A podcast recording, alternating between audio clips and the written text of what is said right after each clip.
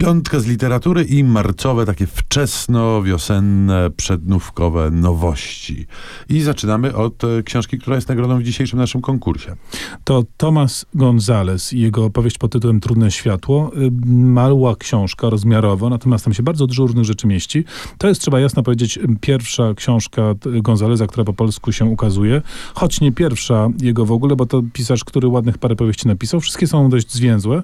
Jest takim w ogóle przeciwieństwem e, tego, co nam się powszechnie kojarzy z literaturą latynoamerykańską i kolumbijską, być może za sprawą Garcia Marqueza przede wszystkim, on jest taki bardzo oszczędny, ekonomiczny, jeśli chodzi o słowa.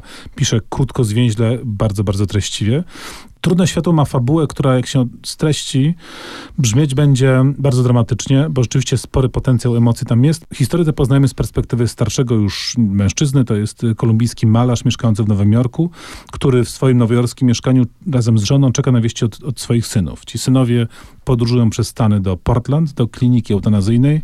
Jeden z nich, sparaliżowany Jacobo, chce poddać się eutanazji właśnie, żeby przestać y, cierpieć. Ale to nie brzmi, e, nie brzmi to jak książka, którą tu byś normalnie polecał, bo po pierwsze, czekający rodzice na wieści od synów to nie zapowiada jakiejś serii niesamowitych przygód, a z drugiej strony e, choroby, z tego co pamiętam, e, są ci jak najdalsze, jeżeli chodzi o twoje literackie fascynacje. Nie no, masz rację, rzeczywiście to z pozoru brzmieć może jak książka nie dla mnie, a ja jestem tą powieścią absolutnie zachwycony, bo ona, y, mimo że wydaje się, że stawia nas przed taką właśnie klasycznie dramatyczną, eutanazyjną sytuacją, tak naprawdę jest powieścią pełną wigoru, życia. Ona rzeczywiście bardziej o życiu niż o, o, o śmierci, można tak powiedzieć.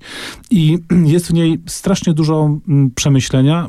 Absolutnie nie ma tam epatowania jakimiś y, emocjami i takim, takiego podbijania piłeczki y, dramatyzmu. To jest niesamowicie wymyślone, napisane i, dobra, wesołe nie, ale naprawdę dające do myślenia i takie soczyste. To jest naprawdę wielki pisarz. Nieprzypadkowo myślę, Elfriede Jelinek na przykład chwaliła bardzo jego twórczość. To nie jest ta stylistyka, ale to jest ta intensywność.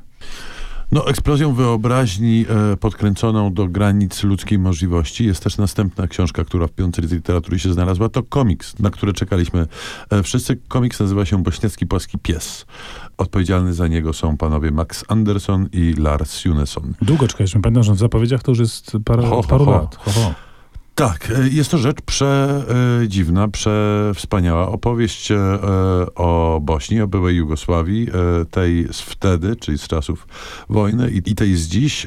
Kreska Andersona jest tu niesamowita. Na pierwszy rzut oka ktoś mógłby to próbować po, porównywać do, do Roberta Kramba na przykład. To jest też komiks, który jest podzielony na różne części. Ta stylistyka rysunkowa się zmienia, nawet się pojawiają różne zdjęcia i taki ilustrowany słowniczek w warstwie zarówno ilustracyjnej, jak i tekstowej, no jest bardzo duża doza takiego dość szalonego surrealizmu.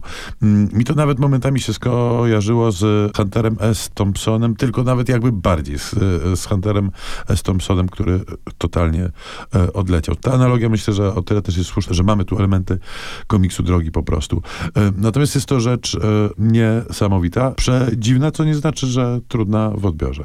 Dziwność jest bardzo pożądana. No to skoro jesteśmy w klimatach bałkańskich, to zagrajmy po bałkańsku. Goran Bregowicz, Kałasznikow z filmu Underground.